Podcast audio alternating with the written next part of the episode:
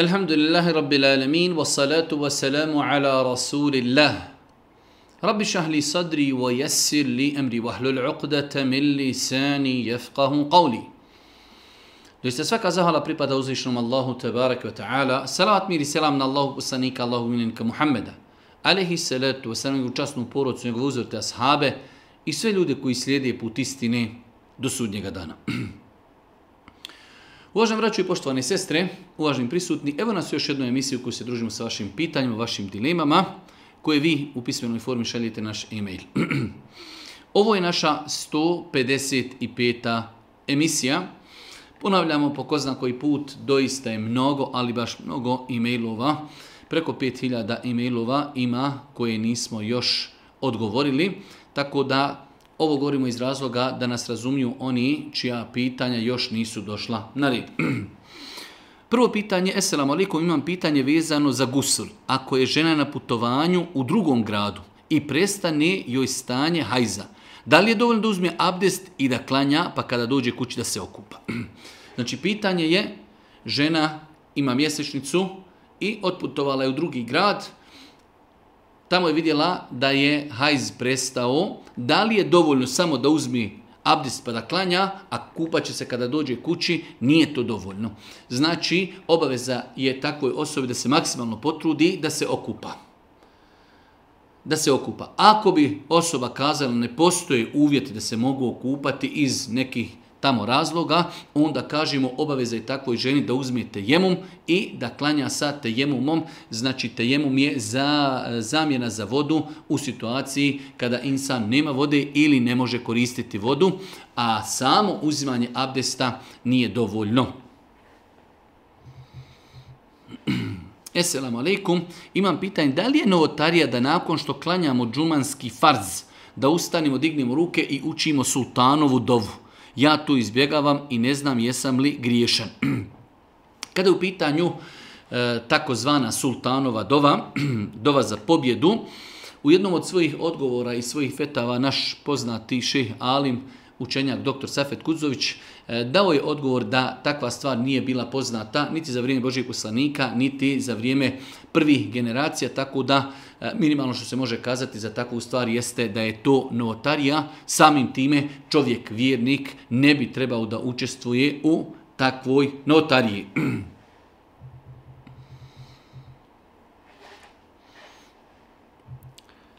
Kakav je propis intimnog kontakta u periodu hajza ili na kraju hajza, a prije kupanja? Znači imamo dva pitanja e, u jednom pitanju, a to je uh, kako islam gleda na intimni kontakt u periodu mjesečnice, to je prvo pitanje. Drugo pitanje, kako islam gleda na intimni kontakt u momentu kada žena sigurno zna da je završila mjesečnica, ali se još nije okupala. Kada u pitanju intimni kontakt u periodu mjesečnice, to je zabrajeno po konsenzusu islamskih učenjaka znači intimni kontakt u periodu mjesečnice je zabranjen po konsenzusu islamskog učenjaka jes elune kanil mehid kul huwa eza fa'tezilun nisae fil mehid kaže uzvišeni Allah subhanahu wa ta'ala i pitaju te o mjesečnici, mjesečnom pranju, reci, to je neprijatnost. Zato ne općite sa ženama za vrijeme mjesečnog pranja i ne približavajte im se dok se ne okupaju. Znači, e, kuranski ajet koji jasno kaže nemojte zabrajno činiti intimni kontakt sa suprugom u periodu mjesečnice. I odgovor na drugo pitanje, Allah Đešanu kaže وَلَا تَقْرَبُوا هُنَّ حَتَّى يَتْهُرْنُ I nemojte im se približavati, nemojte sa ženama intimno e, imati intimni kontakt hatta yathurn dok se ne okupaju tako da je ispravno mišljenje da žena koja je vidjela tra, znake uh, E, čistoći od hajza, ali se još nije okupala, još nema pravo na intimni kontakt. Onog momenta kada se okupa, od tada ima mogućnost i pravo da ima intimni kontakt. Znači, odgovor na ovo pitanje u islamu je strogo zabranjeno. Prema konsenzusu islamskih učenjaka, više je velikih učenjaka umeta navelo konsenzus islamskih učenjaka da je zabranjeno imati intimni kontakt u periodu hajza, a isto tako zabranjeno imati intimni kontakt Nakon što žena vidi e, znači znake čistoći od hajza, ali se još nije okupala, treba se okupati, tek nakon toga ima pravo imati intimni kontakt. Inače radim po terenu, Hrvatskoj i Sloveniji, pa na dosta različitih mjesta obavljam namaz. Ima li neki hadis da će svako mjesto svjedočiti za nas da smo obavili namaz na tom mjestu, jer još dok sam išao u Mekteb, sjećam se da su govorili da uh, uvijek treba mijenjati mjesto na kojem klanjamo baš zbog toga. Znači, pitanje je da li je pohvalno i lijepo da čovjek kada klanja, primjer radi, klanjao je farze, pa da se pomakne na drugo mjesto da klanja sumnete i tako dalje. E, znači, jedan od razloga kako bi čovjek imao što više mjesta na kojima je klanjao, kako bi to sve za njega svjedočilo na sudnjem danu. Ima hadis, e, vjerodostajan inšal hadis, da je Allah poslanika Rih Salam kazao e ja'džizu ahadukum zar niste u mogućnosti neko od vas kada klanja da se kaže pomakni malo ili naprijed, malo ili nazad, ili na lijevu ili na desnu stranu kada bude želio klanjati na filu. Ovaj hadis je vjerodostojan, Šehal Bani ga je smatrao vjerodostojnim. Znači, Boži poslanik postavlja pitanje, zar ne možete, jer vam to teško, a razlog zbog kojeg su zbog kojeg je to izrekao kao što navode islamski učenjaci jeste baš taj moment da rastavije se sunneti od farza i ako Bog da da ta mjesta na kojima je čovjek klanjao a, e, budu da svjedoče čovjeku na sudnjem danu kao što je došlo u suri iza zulziletil ardu zilzalaha wa akhrajatil e, ardu athqalaha wa qala al insanu ma laha yawma idhin tuhaddithu akhbaraha To je dan kada će zemlja svoje vijesti kazivati, između ostalog će kazivati šta je ko po njoj činio od halala, od harama, od dobrih dijela, tako da pohvalno i lijepo da čovjek ako klanja jedan namaz da se pomakne na drugo mjesto i da klanja na drugom mjestu. Esselamu alaikum, da li pod spolni organ spada i dio tijela koji je iznad spolnog organa na kojem se nalaze e, znači stidne dlake? da li doticanjem tog e, dijela se gubi abdest.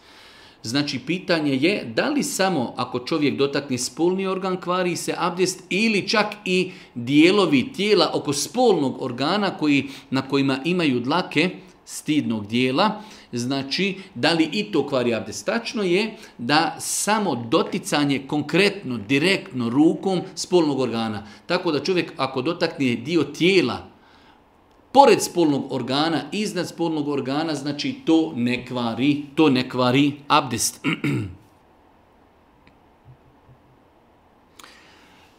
Esselamu alaikum, želim da im pojasnite jednu dilemu. Imam problem u braku, naime mojoj ženi. Krivo je i ljuti se što ja svojim roditeljima pomažim financijski i što im kupim onako neki stvari kao što je voće, sok i tako dalje. Pa oko toga imamo probleme i tako dalje, možete li me posavjetovati? E, u svakom slučaju, e, postupak ove naše sestre je neispravan ako je muž ispunio sve svoje obaveze prema svojoj porodci.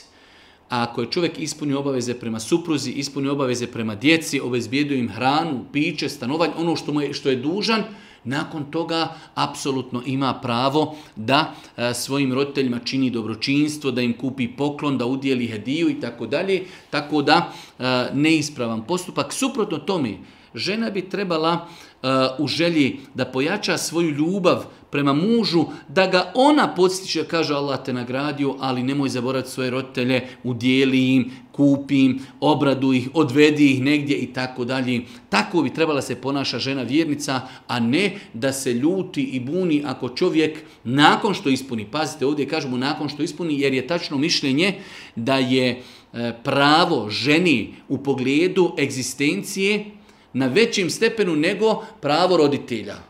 Tako da obaveza je čovjeku prvo da obezbijedi potrebe svoje poroci, ali ako obezbijedi potrebe svoje supruge, svoje djeci, nakon toga ima viška svog imetka, on ima potpuno šerijatsko pravo i ne samo da ima pravo, i to mu je potrebno i pohvalno i lijepo da pazi na svoje roditelje, da im kupi eh, neki poklon, da iznenad, da ih negdje izvede i tako dalje. Tako da ovakav postupak ove supruge, ako je tačno sve ovo što se navodi u ovom pitanju, je neispravan.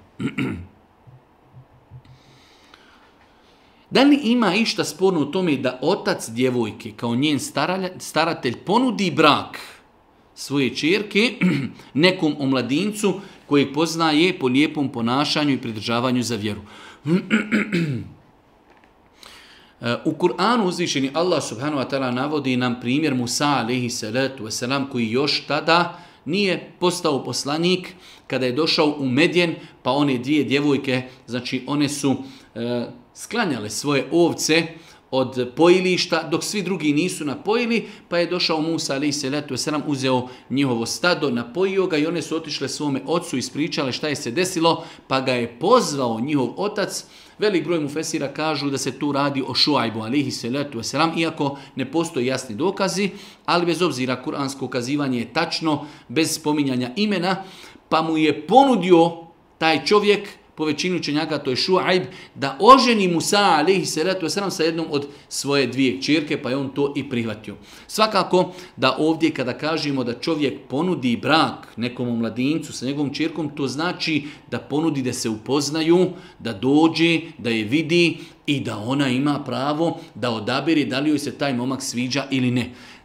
Prve generacije su imale to u praksi kada bi e, čovjek imao žensko dijete u džamiji, kada bi vidio moralnog, čestitog e, omladinca koji redovno dolazi u džamiji, koji je znači uzorit, znači pozvao bi ga, ponudio bi mu brak sa svojom čirkom. Tako da e, nema ništa sporno u tome. Nažalost, nažalost, e, E, u našem podneblju možda takav postupak bi se smatrao e, lošim, neprikladnim. Nije za nas neprikladno kada naša čirka dolazi razgoličena, kada ide sa momkom e, u diskoteku, kada kod njega noći, kada sa njim spava. To kod nas nije problematično, ali kada bi se čulo u nekom mjestu da je otac neke djevojke našao u njoj momka i kazao ovaj momak je lijep, ja ti preporučujem da se udaš za njega, to bi to bi i te kako bilo e, dočekano na nož od ljudi a što je i te kako ispravno otac koji se brine za svoje dijete razmišlja gleda analizira ljude iz svog e, okruženja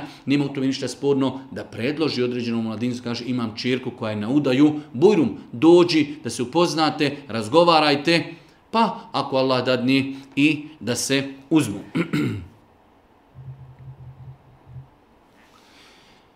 Imam jedno pitanje koje me interesuje. Da li se jacija može klanjati poslije 00 časova? Znači u 12.00. Ona pritomala.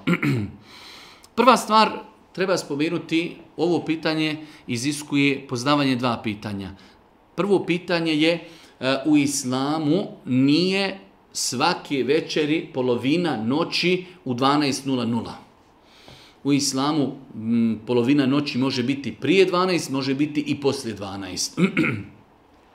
u islamu se polovina noći računa od zalaska sunca do znači pojave zori.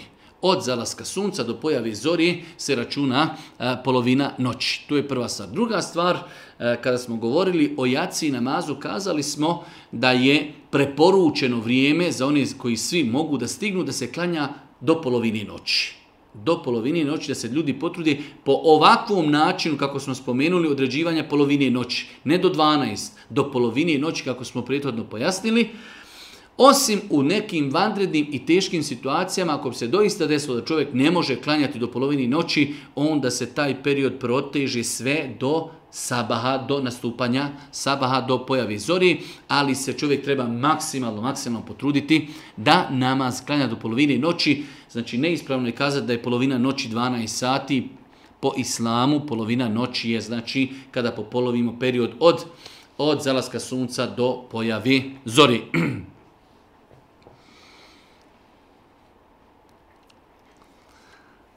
Muž traži i iziskuje od mene da imamo intimni kontakt u analni otvor. Da li je dozvoljeno da mu to omogući? Allahu poslanik alejhi salatu vesselam u više vjerodostojnih hadisa zabranio je znači intimni kontakt u analni otvor dvije stvari ili tri stvari koji su zabranjene u islamu kada je u pitanju intima bene supružni, između supružnika jeste e, intimni kontakt u analni otvor i intimni kontakt u periodu hajza ili nifasa.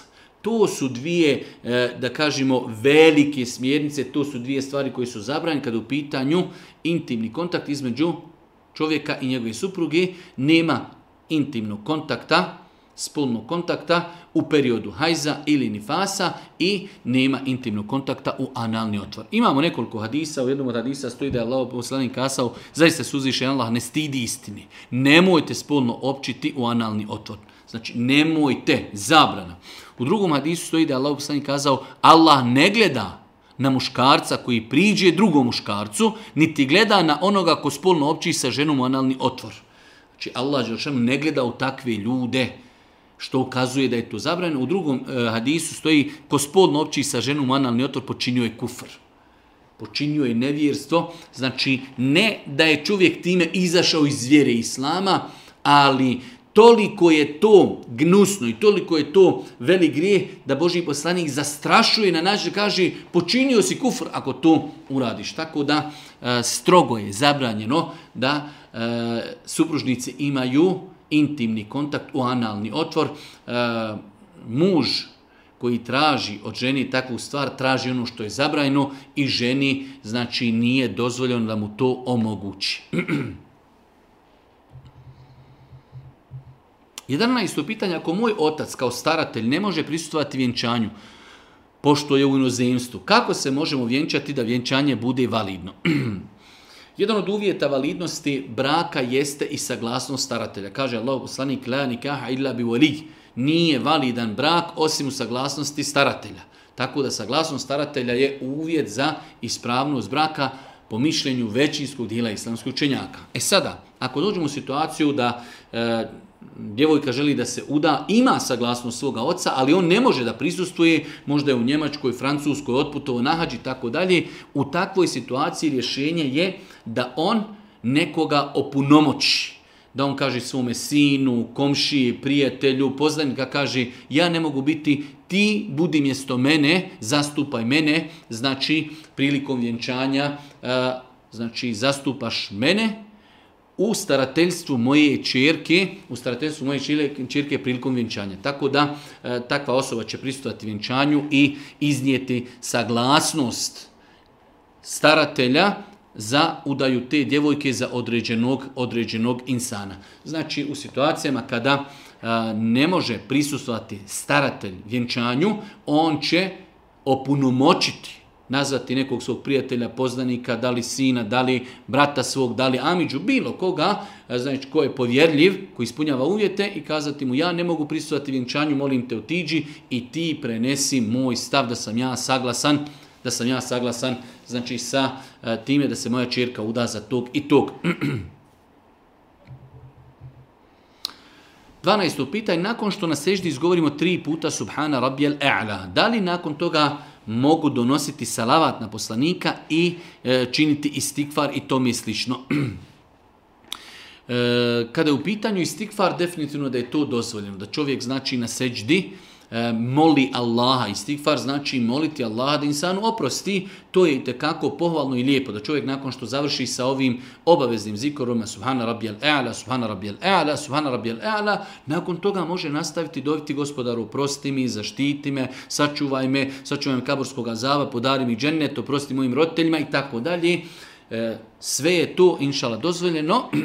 E, ostaje moment salavata na Božijeg poslanika. Islamski učenjaci su kazali da je lijepo u osnovi kada čovjek hoće da dovi, da početak dove bude sa zahvalom Allahu i sa salavatom na Božijeg poslanika. Tako da nema smetnje da čovjek nakon što donese uh, E, ove zikrove koji su obavezni subhana rabijel e'la, subhana rabijel e'la, subhana rabijel e'la, nakon toga da kaže na seđdi elhamdulillahi rabbil alemin, zahvali Allahu, wassalatu wassalamu ala rasulillah, neka je salavat na poslanika i nakon toga da zikri, da dovi, da znači istikfar čini, da moli uzvišnog Allah subhanahu wa ta'ala za oprost.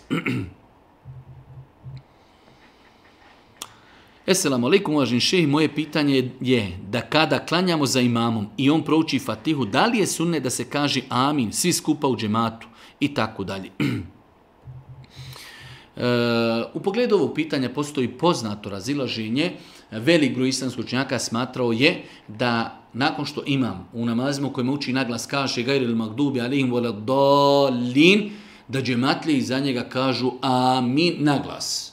Tako da jeste Hanefijski mezheb je stava da se ovo amin izgovara tiho, ali isto tako ne smijemo sebi dozvoliti e, da imami prekidaju nama zato što je neko rekao naglas amin, uh, Ako mi to ne praktikujemo, zašto, zašto se ne ljutimo kada odemo u Meku i Medinu gdje stotine hiljada ljudi naglas kaže ami naglas i možemo to vidjeti svakim danom, upalimo televiziju i vidimo da ljudi izgovaraju ami naglas i niko se nikome ne buni.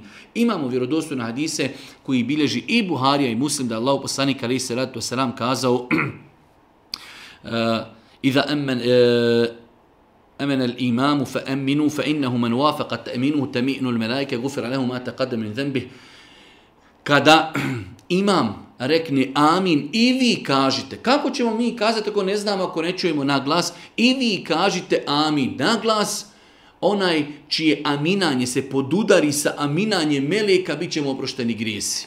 Imamo druge uh, hadise u kojima stoji da je Buhurira radijallahu ta'anom kazao, Allahu poslanik Ali se radu kada bi kazao Gajrul Magdubi alihim vola dalin, podigao bi glas. Ebu Hurire kaže, podigao bi glas i rekao bi amin. Lanac prenosilac ovog hadisa, kao što kaže Darekutni i Bejheqi je dobar. Tako da, znači imamo više vjerodostojnih hadisa u kojima stoji da je e, znači od sunneta pohvalno i lijepo izgovoriti amin nakon fatihe na glas i oduženim tonom. Svakako da s jedne strane treba da bude tolerancija ako neko to radi, a mi ne radimo da to tolerišimo. A iz druge strane, ako neko sam u džami to praktiko i vidi da to ljudima smeta, svakako da je lijepo i pohvalno da spusti malo ton kako ljude ne bi uznemiravao. Ali ne smijemo sebi dozvoliti, doće nam u džamiju neki turisti, doće nam ljudi iz Kuvajta, iz Saudijske Arabije, iz Libije, iz Tunisa, kazat će amin pa ćemo mi prekinuti namaz da istjeramo te ljude iz džamije. To, znači, mi se tako ne obodimo prema novotarijama. Imamo toliko novotarija u našem okruženju i ne prekidamo namaze zbog novotarija, a prekidamo namaze zbog pitanja u kojima ima razilaženja. Pitanja, ljudi su svoje stavove e, zasnovali na vjerodostojnima hadisima, Buharije i muslima. U redu, to je meze moj da mi to ne govorimo. Ali neko drugi govori.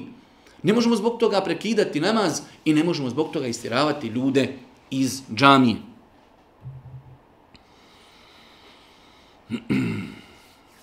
Esselamu alaikum, halalte što pišem ovako kasno.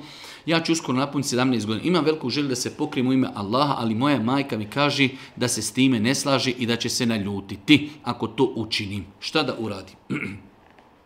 U svakom slučaju, djevojka sa 17 godina je već širijatski punoljetna. Samim time njoj je obaveza da nosi islamsku odjeću hijđa prilikom izlaska iz kuće.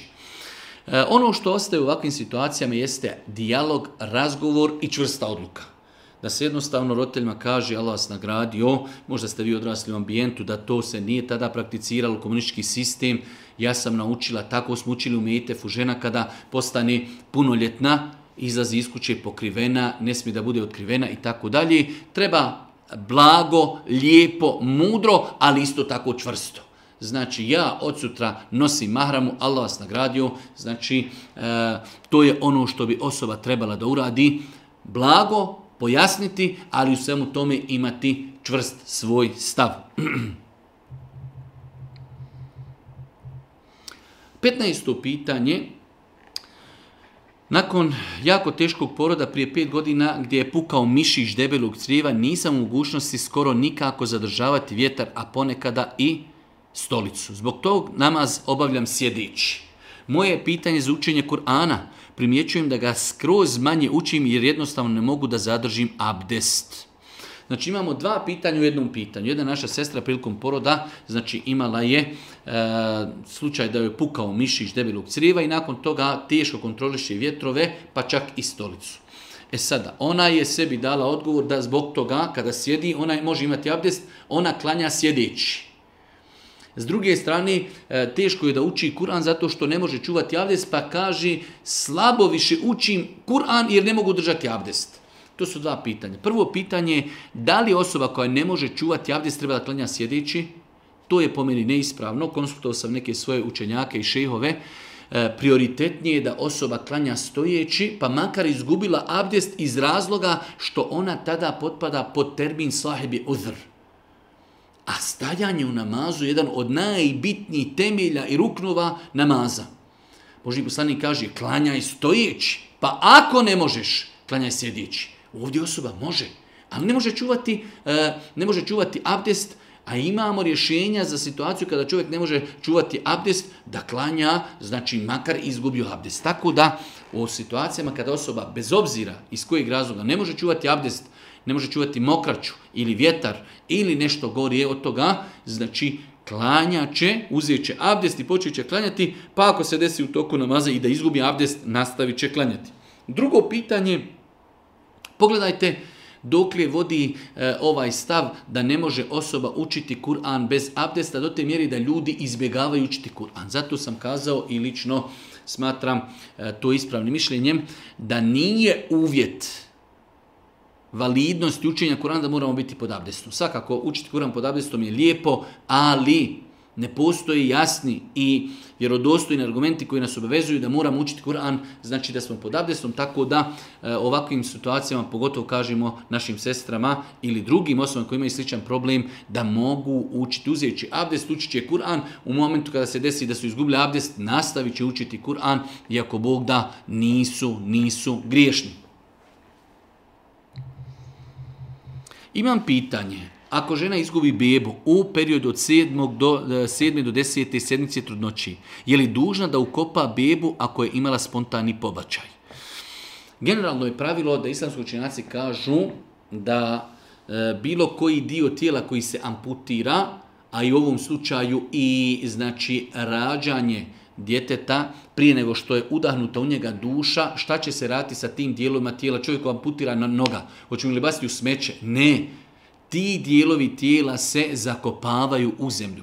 Kao što se zakopava i med, normalno ne mora se zakopavati toliko duboko, ali kažem isti je propis, kao što se med zakopa u zemlju, isto tako će se uraditi i sa dijeloma koji su amputirani ili sa, znači, uh, uh, grudvom mesa ili kako god da se izrazimo, znači fetusom kojeg je žena rodila, a još nije bila udahnuta u njega duša, uzet će se taj znači, e, plod i zakopaće se, zakopaće se u zemlju.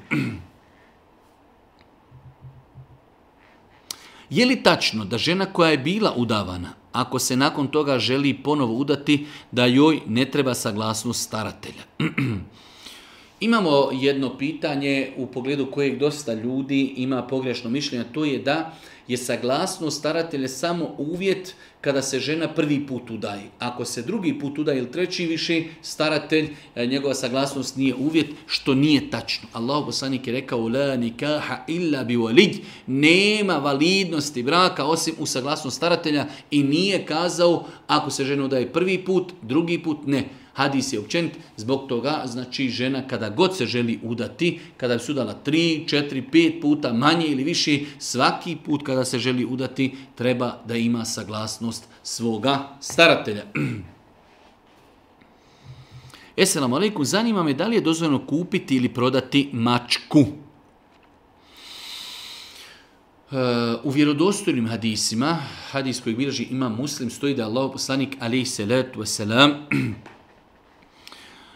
E, da je Ibn Zubir pitao sam Džabira o cijeni, znači i mjetku koji se zarađuje putem, putem prodaje pasa i mačaka. Pa je kazao, zeđeran nebiju, sallallahu sallam, an velik. Hadis bileži muslim, kaže, Boži poslanik je to zabranio. Da, u ovom hadisu kod imama muslima ovdje se koristi riječ sinneur. Sinneur koja u datom momentu može neko reći i znači nešto drugo. Ali imamo druge vjerodostojne hadise kod imama Ebu Davuda od istog prenosioca Ebu Zubeira od Džabira da je Boži poslanik neha an, theumi, eh, an themeni el hirra.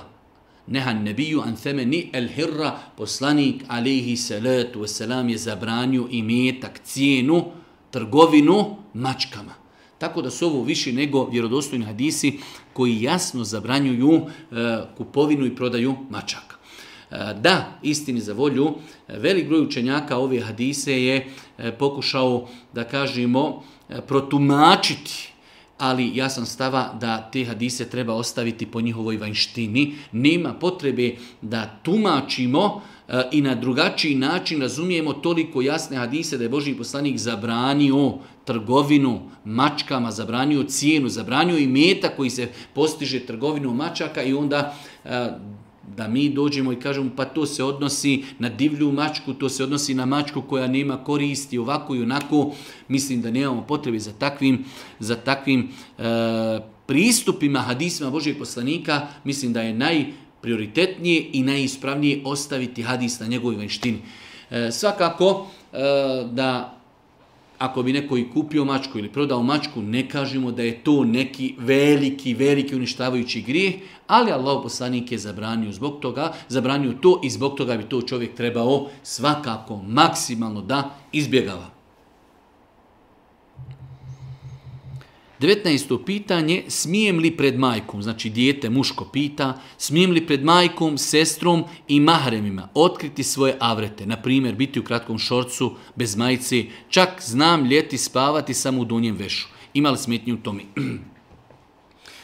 E, muškarac, muškarcu koji je punoljetan obaveze da čuva svoje avrete od svih osoba osim od suprugih to što je to naša majka, to nikako ne znači da smijemo pred njom izlaziti otkrivenih avrijeta. Čak muškarcu nije dozvoljeno da otkrije avrijete pred muškarcima. A kako bi mu bilo dozvoljeno da otkrije svoje avrijete pred svojom sestrom, pred svojom majkom? Gdje je u svemu tome stid? Gdje je u svemu tome znači edeb? Uh, E, kako se dijete obhodi prema svojim roditeljima. Svakako da dijete, ako pokrijavrete od pupka do koljena, ako kući bude i bez potkošulje ili bude znači samo u nekom šorcu, to je ispravno. Ali biti u ma e, pred majkom samo u donjem vešu, to je znači i tekako neispravno i nije ispravno to... E, da kažemo odobravati, pa to je moja majka, pa to je moja sestra, ne. Ne. Znači, avreti se moraju pokriti pred svakom osom, pred muškarcom, pred ženom, osim što muž može svoje avrete pokazivati ženi i žena svome mužu. Mimo toga, muškarac mora pokrivati avrete pred muškarcima, žena pred ženama. Dosta puta se dešava da su muškarci tolerantni jedni pred drugima, pa dobro, mi smo muškinje, možemo se jedni pred drugima preslačiti, tako da je što je strogo zabranjeno. No, A isto tako i žene su dosta puta tolerantnije, pa hajde ba, žene smo e, i tako dalje, pa se jedne pred drugima preslači i oblači, što je neispravno. Žena mora paziti na svoje avrete i pred ženama i pred muškarcima, a isto tako i muškarci. 20. pitanje, imaju li supružnici pravo na trajnu kontracepciju? Trajno uskraćivanje potomstva. Kada u pitanju kontracepcija, uskraćivanje potomstva islamski učenjaci su kazali da se to može podijeliti na dvije vrste. Imamo privremenu i trajnu, trajnu e, znači kontracepciju. Trajna kontracepcija kod muškaraca je sterilizacija muškaraca ili sterilizacija kod žena podvezivanje jajovoda. Takve stvari su islamski učenjaci zabranili bez obzira na situaciju. Jer veoma se lahko može desiti da žena danas rodi dijete i e, pristupi ovom, da kažemo, trajnoj e, kontracepciji i nakon mjesec, dva preseli dijete, nastrada dijete, poželi da ima još djece i onda ne može više da ima djeci. Tako da e, ljudi koji žele da naprave neku pauzu, žena se porodila bolesna i ne može više da rađa, treba znači e, da se čuvaju od uh, E, začeća na druge načine koji su, kao što je došlo, znači privremenog karaktera. Jer rekli smo da imamo privremeni e, kontracepciju, imamo trajnu, e, nije dozvoljno pristupiti trajnoj kontracepciji. Jer vremena se mijenjaju, situacija se mijenja tako da insan kojeg Allah počastio da može imati potomstvo, znači ne bi smio da pristupi e, da li nekom hiruškom poduhvatu ili bilo koji drugi način gdje će trajno gdje će trajno e, znači e, uskratiti sebi u budućnosti e, potomstvo, bez obzira radilo se o muškarci i ženi. S druge strane, koliko je ljudi na planeti koji plaćaju, želi, maštaju, dovi da im Allah Đeršanu podari djecu, a oni koji imaju djecu, oni nakon što žena rodi jedno, eventualno dvoje djece, pristupaju trajnoj kontracepciji, što je neispravno i zabranjeno. Da li je bolje ustati na noćni namaz iz sna ili je isto kada budan čekaš da, da, da vrijeme nastupi noćnog namaza? Znači, šta je bolje? I oboje je ispravno. Znači, od jacije namaza pa sve do sabaha je vrijeme noćnog namaza. Najljepši je noćni namaz klanjati u zadnjoj trećini noći, ali se može klanjati odmah od jacije noćni namaz. E sada, je li ljepši zaspati Pa ustati na noćni namaz ili čekati noćni namaz, svakako da je od sunneta Božije poslanika, ali i sredetu vaselam, da bi legao, ustao bi na noćni namaz, pa bi opet malo odspavao do sabaha. Tako da, ako bi gledali šta je bolje, definitivno da je bolje da čovjek legne pa ustane noćni namaz, ali ako bi se desilo čovjek nešto radi, uči, čita, imao je goste, nakon toga, znači, e, prošao je određen period nakon jaci, želi da klanja noći namaz, ako Bog da sve je tu ispravno, govorimo samo šta je prioritetnije i bolje. Bolje je da čovjek legne spavati, spava sat i po 2, 3, 4, 5, sodno dužini noći, ustani, klanja noći namaz, pa možda još malo odspava do sabaha ili čeka sabah pa klanja sabah.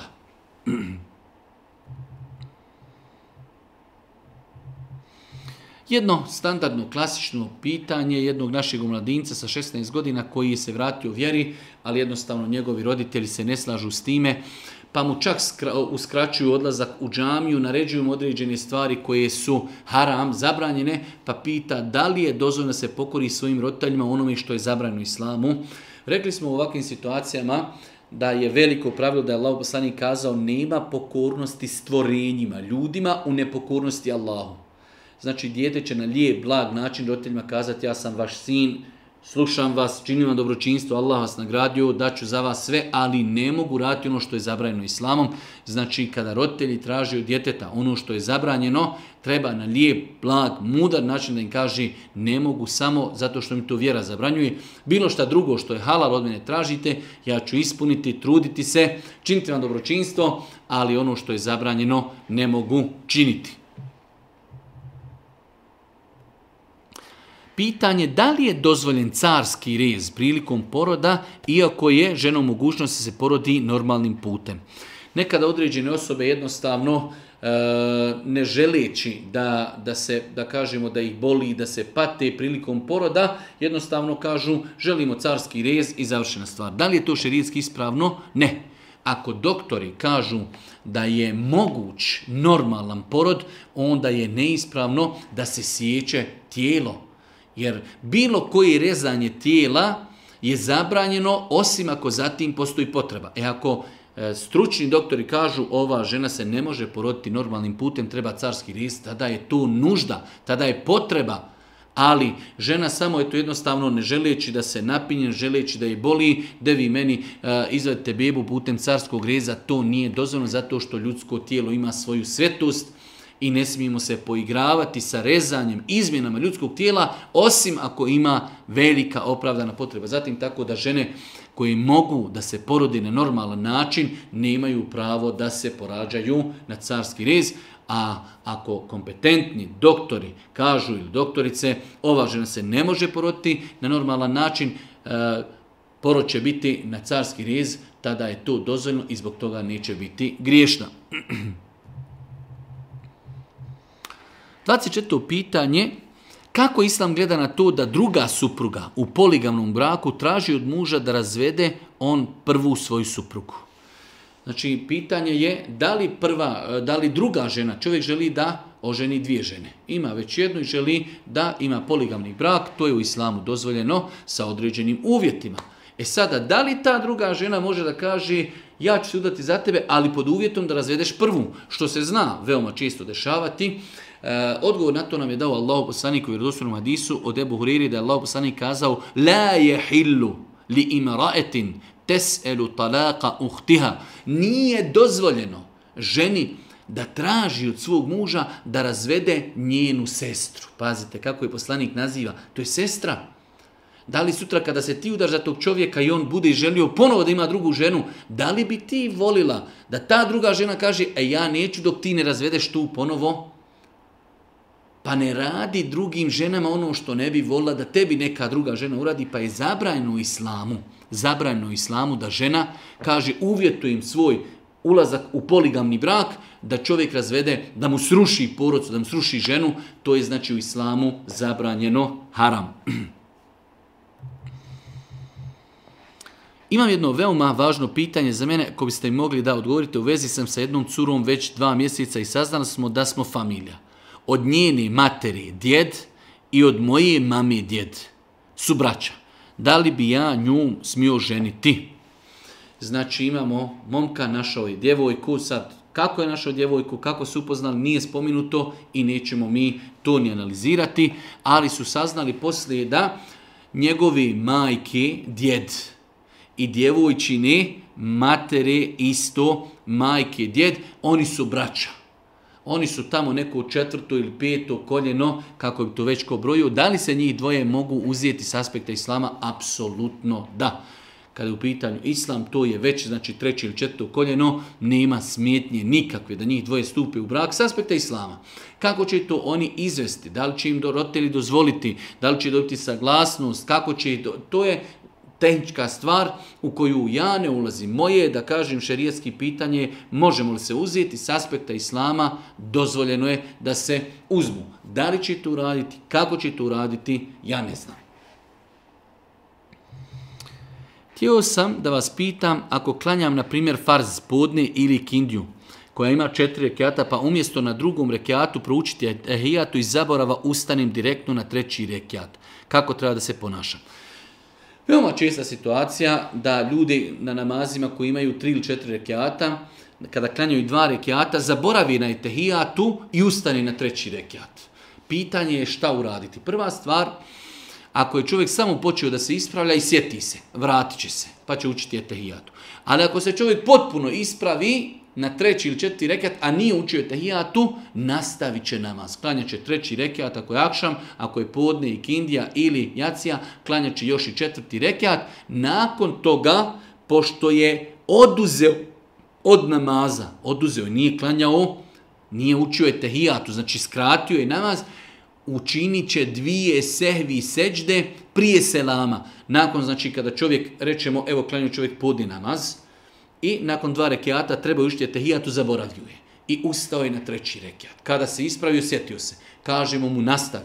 Klanja treći rekiat, četvrti rekiat. Kada završi četvrti rekiat, uči je tehijat, uči salavate, uči dovu. Kada sve završi, umjesto da preda selam, on kaže Allahu ekber, uradi dvije seđde i nakon toga predaje selam, jer je skratio namaz za vađib.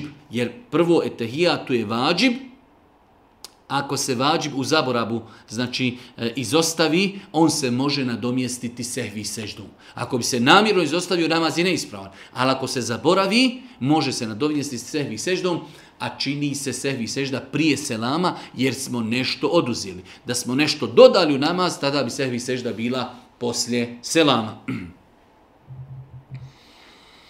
Da li sam griješan ako ne idem u džemat zbog nekih stvari poput puštanja ezana na CD, zajedničkog zikra poslije namaza i tako dalje? Spomenute stvari nisu dovoljni razlozi da čovjek ne ide na namaz u džemat. To što je neko pustio CD, uh, to je njegova odgovornost i bit će pitan zbog toga. To nema nikakve veze sa mojim namazom. To što neko zikri, zajednički zikr koji je novotarija i koji nije ispravan posle namaza, to opet nije, niko mene ne obavezuje da u tome učestvujem. Tako da čovjek dođe u džamiju, klanja svoje sunnete, klanja za efendijom namaz, preda selam, hoće li neko zikriti zajednički ili neće, to ne utječe na moj namaz, niti na validnost mog namaza, tako da spomenute stvari nisu validni razlozi da insan izbjegava namaz u džematu. Esselamu alaikum, možete li mi objasniti značenje ovog ajeta? Nedavno sam počela sa čitanjem Kur'ana i nije mi jasno dio gdje stoji da je zavjet od kršćana primljen. E, znači radi se o ajetu iz sure El Maide 14. ajet. Allah džashanu kaže: "Wa min alladine qalu inna nasara akhadna mithaqahum fanasu hadha mimma dhukiru bih fa'agrayna bainahum al-adawata wal-baghdha ila yawm al-qiyamah wa sawfa yunabbi'uhum Allah bima kanu yasna'un." Pitanje znači ovaj ajet znači u prijevodu na bosanski mi smo zavjet uzeli i prihvatili od onih koji govore mi smo kršćani ali su i oni dobar dio onoga čime su bili opominjani i izostavili. Zato smo među njima neprijateljstvo i mržnju do sudnjeg dana ubacili, a Allah će ih sigurno ovijestiti ono što su radili. Sada je pitanje ove naše sestri, kakav je to zavjet kojeg je Allah prihvatio i uzeo od ljudi koji za sebe kažu da su kršćani, kažu mu Fesiri kao što je Ibnu Kethir i mnogi drugi, kaži, preuzeli smo od njih obaveze i zavjete da će slijediti poslanika, alihi selam, i podržati ga i pomoći da će vjerovati u svakog poslanika kojeg Allah pošalje na zemlju, pa su postupili onako kako su postupili jevrijeji koji nisu ispunjavali zavjete i koji su prekršili uvjete. Znači, Allah je prihvatio mithaq, prihvatio je ugovor od kršćana koji su se obavezali gospodaru, ako nam dođe neki poslanik, mi ćemo ga pomoći, mi ćemo u njega vjerovati, pa su prekršili ugovor kada je došao Muhammed alejhi salatu vesselam nisu vjerovali u njega i nisu ga slijedili a to je ista metoda kojom su se ponašali i jevreji znači koji su kada je došao Isa alejhi salatu vesselam nisu prihvatili njegovo učenje tako da eh, u ovom ajetu 14. ajetu sure El-Maide mi smo zavjet uzeli prihvatili od onih koji govori mi smo kršćani misli se prihvaćeno je od njih to da treba da kada dođe poslanik da mu se pokore i da vjeruju u njega, a ne da se ponašaju nakon kako se ponašali židovi koji nisu prihvatali dolazak sljedećeg poslanika. 29. pitanje. Vidim neku braću kako radi razne harame. Čine zinalog, slušaju muziku, idu po svadbama, rukuju se sa ženama i tako dalje. Allah im je dao da da lijepo uče Kur'an za razliku od mene koji nemam te harame pri sebi i trudim se da učim što više vjeru, pa me zanima kako to da pored svih tih harama pamte više Kur'ana od mene. Znači, jedan naš brat, nadamo se inšal da je iskren, čudi ga kako to da neko ko čini harame može naučiti lijepo teđvid, može zapamti dosta Kur'ana, a neko s druge strane, ko se čuva harama, teško mu ide hivzanje Kur'ana. Ne treba čovjek uopšte da se uterečava takvim stvarima, uzvišen Allah subhanahu wa ta'ala i inteligenciju, e, ljepotu, bogatstvo, porije, sve je to podijelio među ljudima. Pa je nekoga Allah Žešan obdario da je inteligentan, ali on tu svoju inteligenciju, nažalost, ne svata kao blagodat, pa i zloupotrebljava. S druge strane, nekome Kur'an ide teže, pa će se inšan više, insan više truždi, više učiti, e, i zbog toga ako Bog da imati veću nagradu. Tako da insan ne treba da se time opterećuje. E, Allahu poslanik kaže prva osoba, tri prve osobe koji će biti bačene u vatru jeste i hafiz Kur'ana koji je učio Kur'an da bi ga ljudi čuli. Tako da to što je nekome Allah olakšao učenje Kur'ana, to uopće ne znači da će to njegovo učenje njega spasiti i odvesti u džennet. Tako da na nama je da se ponašamo shodno onome što nam je Allah Đelšan naredio, da učimo Kur'an, da analiziramo Kur'an, da hivzamo Kur'an, neko bolje od nas uči, neko od nas brže uči, to je njegova blagodat za koju će on biti pitan i ne trebamo se time uopšte opterećavati. 30. pitanje. Mama u kući ima hamailije, ostavljene na nekoliko mjesta. Obzirom da ne znamo porijeklo tih hamajlija, da li su kupljene ili koja je njihova namjena, mami sam skrenula pažnju da to nije ispravno i ona želi da ih skloni. Naše pitanje na koji način o, o, odložiti hamajlije i gdje ih skloniti. Znači, jedna naša sestra uh, primijetila da njena majka u kući ima hamajlije koji su vjerojatno postavili po različitim dijelom kuće koje bi čuvale kuću, pa je rekla svojoj majci da je to neispravno i sada pitaju kako se riješiti hamajlija. Najbolji način rješavanja hamajlije jeste da insan uzmi, da otvori hamajlije i da ih zapali. Ništa više bez ikakve procedure znači otvoriti hamajlije bez obzira šta u njima bilo, bez obzira šta pisalo, razmotati, zapaliti i time završiti to pitanje. Jedno malo teže i komplikovano pitanje. Poštovani pješću, moja svekrva klanja svih pet dnevnih namaza. Elhamdulillah. Ali kada pomenimo da je mužu žena preča od majke, onda je tu rasprava kako je to nemoguće. I da to važi samo za ženu. To jeste da je ženi muž preči od majke i oca. Mene zanima u islamu odnos sina prema majici i ženi. Kada u pitanju odnos čovjeka prema supruzi, Kažu islamski učenjaci da je njegova supruga veći prioritet u izdržavanju. Znači, kada bi bilo slušaj čovjek kaže, ja imam 100 maraka i kome je da kupim nešto potrebno moje za jelo, prečije je da kupi i obezbijedi e, znači, hranu i podmiru svojoj supruzi. Nakon toga, ako ima viška, onda će to urati svojim roditeljima. Tako su islamski učenjaci kazali da je čovjeku veća obaveza da obezbijedi hranu E, znači, egzistenciju svojoj supruzi nego svojim roditeljima. Ali s druge strane, e, roditelji su e, i dalje roditelji. Svi argumenti u kojima se ukazuje na bitnost roditelja, dobročinstvo roditelja, ostaju. Tako, a i ostaju argumenti koji čovjeka podstiču da čini dobročinstvo svoje supruzi i da su najbolji muslimani oni koji su najbolji prema svojim suprugama. Tako da nema potrebe da jedno isključuje drugo čovjek treba da pazi na svoje roditelje, ako je u pitanju materija, rekli smo materijalno, kao što kažu islamski učenjaci, prioritetnije je da čovjek ispuni potrebe svoje porodice, nakon toga, ako imaju roditelj njegove potrebu, da njega, njima pomogni, ali nakon toga roditelji imaju pravo, to su njegovi roditelji. Čovjek sutra može razvesti svoju ženu, ali ne može nikada razvesti svoje roditelje. Oni ostaju roditelji, svi oni ajeti, svi oni hadisi, njega obavezuju da im čini dobročinstvo, ali isto tako imaju argumenti koji nas postiću da čovjek bude dobar i plemen prema svojoj supruzi, pa sve to ne isključuje jedno drugom. Posljednje pitanje je Esselam alaikum, imam jedno pitanje, tiče se mjesečnici. Naime, zanima me da li je dozvoljeno kupanje u toku mjesečnici. Ja sam žena koja je rano ušla u menopauzu i jako puno se znojim i u toku e, menzesa se jako neugodno čujem. Rečeno mi je da je zabranjeno po islamu kupati se u toku menzesa. E, Pogledajte do, dokle i kako u nezgodne pozicije se stavljaju ljudi kada slušaju tumačenje vjeri od onih koji nisu kompetentni da tumače vjeru.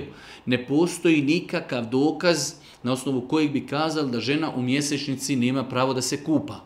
Da, ženi obaveza se okupa na kraju mjesečnici, ali u toku mjesečnici žena može otići na njivu, žena može biti u prašini, žena može krećiti, žena se može uznojiti, žena se može isprljati, može prosuti posebine džaset, nečistoću, dijete i tako dalje nema nikakve smjetnje da žena eh, u bilo kojem periodu eh, dok joj traje mjesečnica da se okupa. Tako da, eh, znači, tumačiti, govoriti, smatrati da je ženi zabranju da se kupa u period mjesečnici je totalno, totalno neispravno i neracionalno. Može se desiti danas žena prvi dan dobila mjesečnicu i isprlja se prašina, krećila, pala, e, dijete je možda e, umokrilo i drugi stotinu situacija i žena hoće da se okupa, da se očisti, ne, ne, ne, ne smiješ dok se ne završi mjesečnica. To nije, to nije razumno. Zato znači moramo paziti od koga učimo našu, našu vjeru. Molim uzvišenog Allaha subhanahu wa ta'ala da nas podući propisima vjere i molim ga subhanahu wa ta'ala da budemo rosti na sudnjem danu na kraju subhanake Allahumma wa bihamdike ešhedu en la ilaha illa anta astaghfiruke wa etubu ilejk. Oh, oh, oh.